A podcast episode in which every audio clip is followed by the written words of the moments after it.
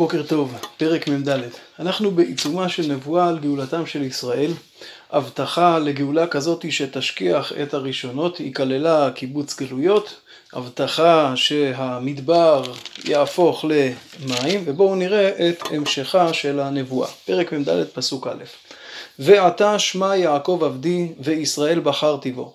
כה אמר אדוני עושך ויוצרך מבטן יעזרך. אל תירא עבדי יעקב, וישורון בחרתי בו. כי אצוק מים על צמא, ונוזלים על יבשה. אצוק רוחי על זרעיך, וברכתי על צאצאיך, וצמחו בבן חציר כערבים על לבלי מים. הנבואה פה היא לא נבואה גשמית, פיזית. אם עד כה ראינו את ההבטחה שהמדבר יהפוך למים בהקשר הפיזי שלו, בין אם זה בהכנת הדרך חזרה לארץ ישראל ובין, זה, ובין אם זה בפריחה של ארץ ישראל, הרי שפה מדובר על הבטחה אחרת. אצוק מים על צמא, המים פה במובן של הרוח. כמו שאומר הכתוב בהמשך, אצוק רוחי על זרעך. זאת אומרת, יש פה הבטחה שהגאולה תלווה גם בהשפעת השפע, ברוח השם, בברכתו על עם ישראל. הרד"ק מדבר על חידוש הנבואה. התוצאה של זה תהיה, זה יאמר לאדוני אני, וזה יקרא בשם יעקב. וזה יכתוב ידו לאדוני, ובשם ישראל יכנה. חז"ל למדו מפה שיהיו פה מספר קבוצות בעם ישראל. תהיה קבוצה של יראי שמיים, שכל כולם התבטלות, להשם אני. ויהיו כאלה שרק יקראו בשם יעקב. ויהיו כאלה שיכתבו ידו להשם. יכתוב ידו זה יסמן, אני עובד השם, בין אם זה על ידי הנחת תפילין או משהו מעין זה. ויהיו כאלה שרק בשם ישראל יכנה. הרב קוק במאמר הדור מדבר פה על, גם על כאלו שהם לא עובדי השם. הם לא שומרי תורה ומצוות, אבל הם מכנים את עצמם בשם ישראל. זאת אומרת, הם יהודים, הם ישראלים גאים, גם הם חלק מהסיפור, וגם עליהם מבטיח הקדוש ברוך הוא שהוא יצוק את רוחו עם הזמן.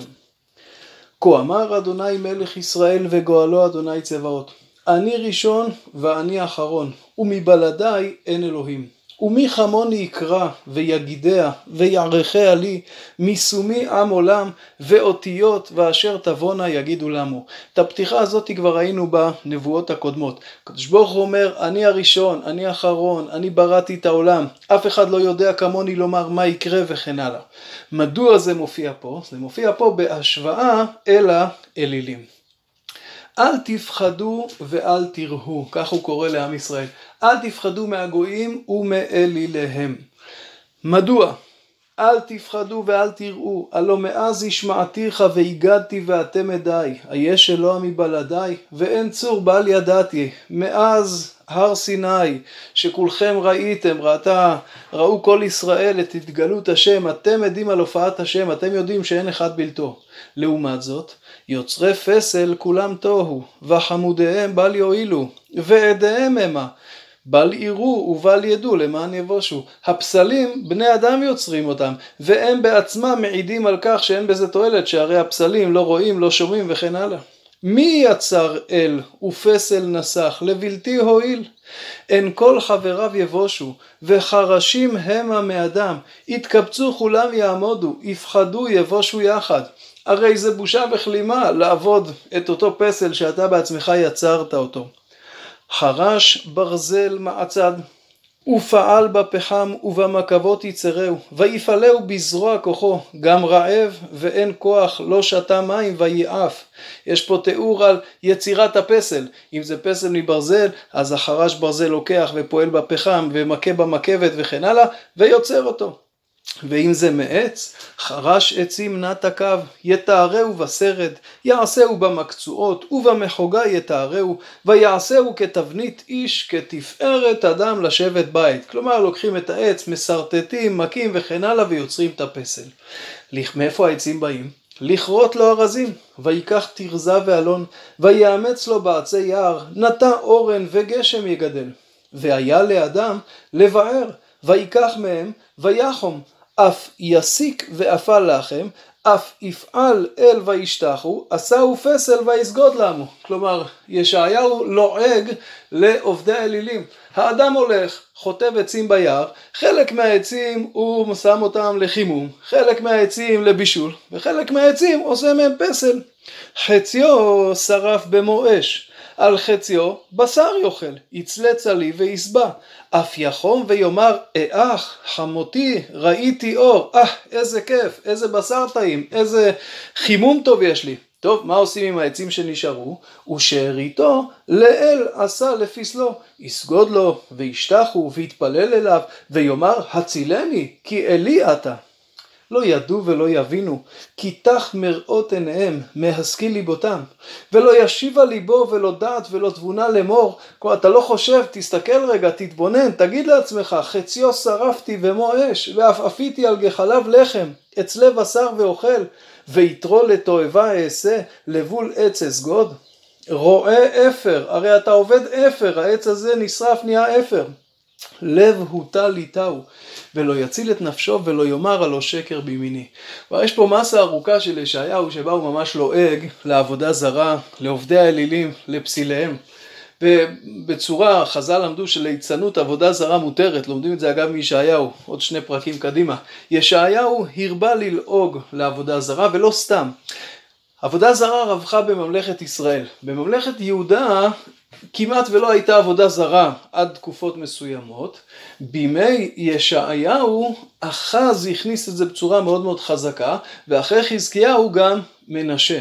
ואם כן, אחת החזיתות שעמדה מול ישעיהו זה ההתמודדות עם העבודה הזרה, ואחת הדרכים שלו להתמודד איתה זה בליצנות, בלעג, בקלס, באבסורד בזה שאדם חוטב עצים, חצי עושה על האש וחצי משתחווה ואומר אלי אתה.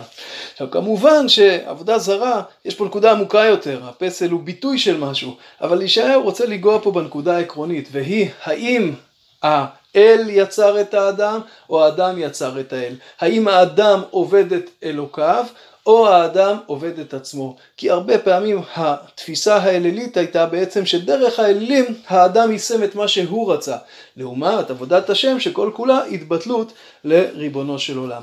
אחרי כל ההשוואה הזאת פונה הנביא לעם ישראל, זכור אלה יעקב וישראל כי עבדי עתה, יצרתיך עבד לי עתה, ישראל לא תינשני, אל תשכח את ההבדל, תזכור מיהו אלוהיך ואל תשכח.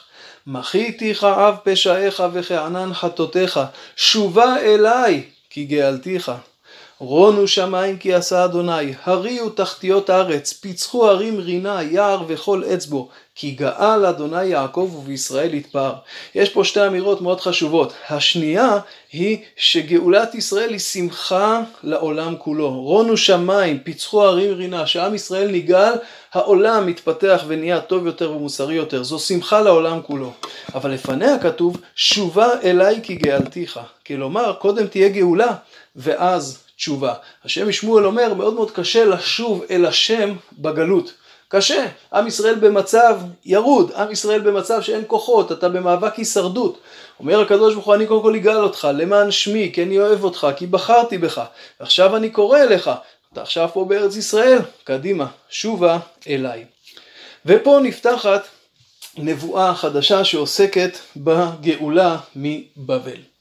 כה אמר אדוני גואליך ויוצרך מבטן, אנוכי אדוני עושה כל, נוטה שמיים לבדי, רוקה הארץ מאיתי, מפר אותות בדים וקוסמים יהולל, משיב חכמים אחור ודעתם יסכל.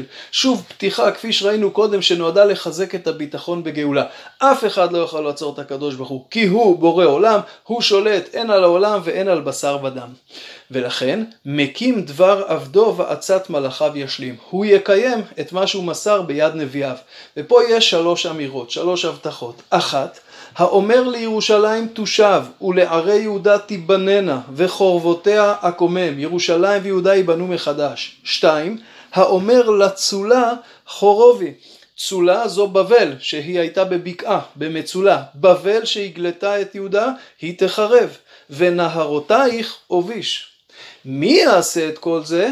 אמירה שלישית, האומר לחורש רועי וכל חפצי ישלים, ולאמור לירושלים תיבנה ואכל תיווסד.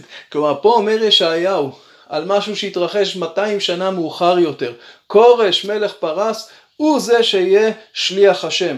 להחריב את בבל ולהחזיר את עם ישראל חזרה לירושלים שתיבנה מחדש. נראה את המשך הנבואה הזאת במוצאי שבת בעזרת השם. שבת שלום.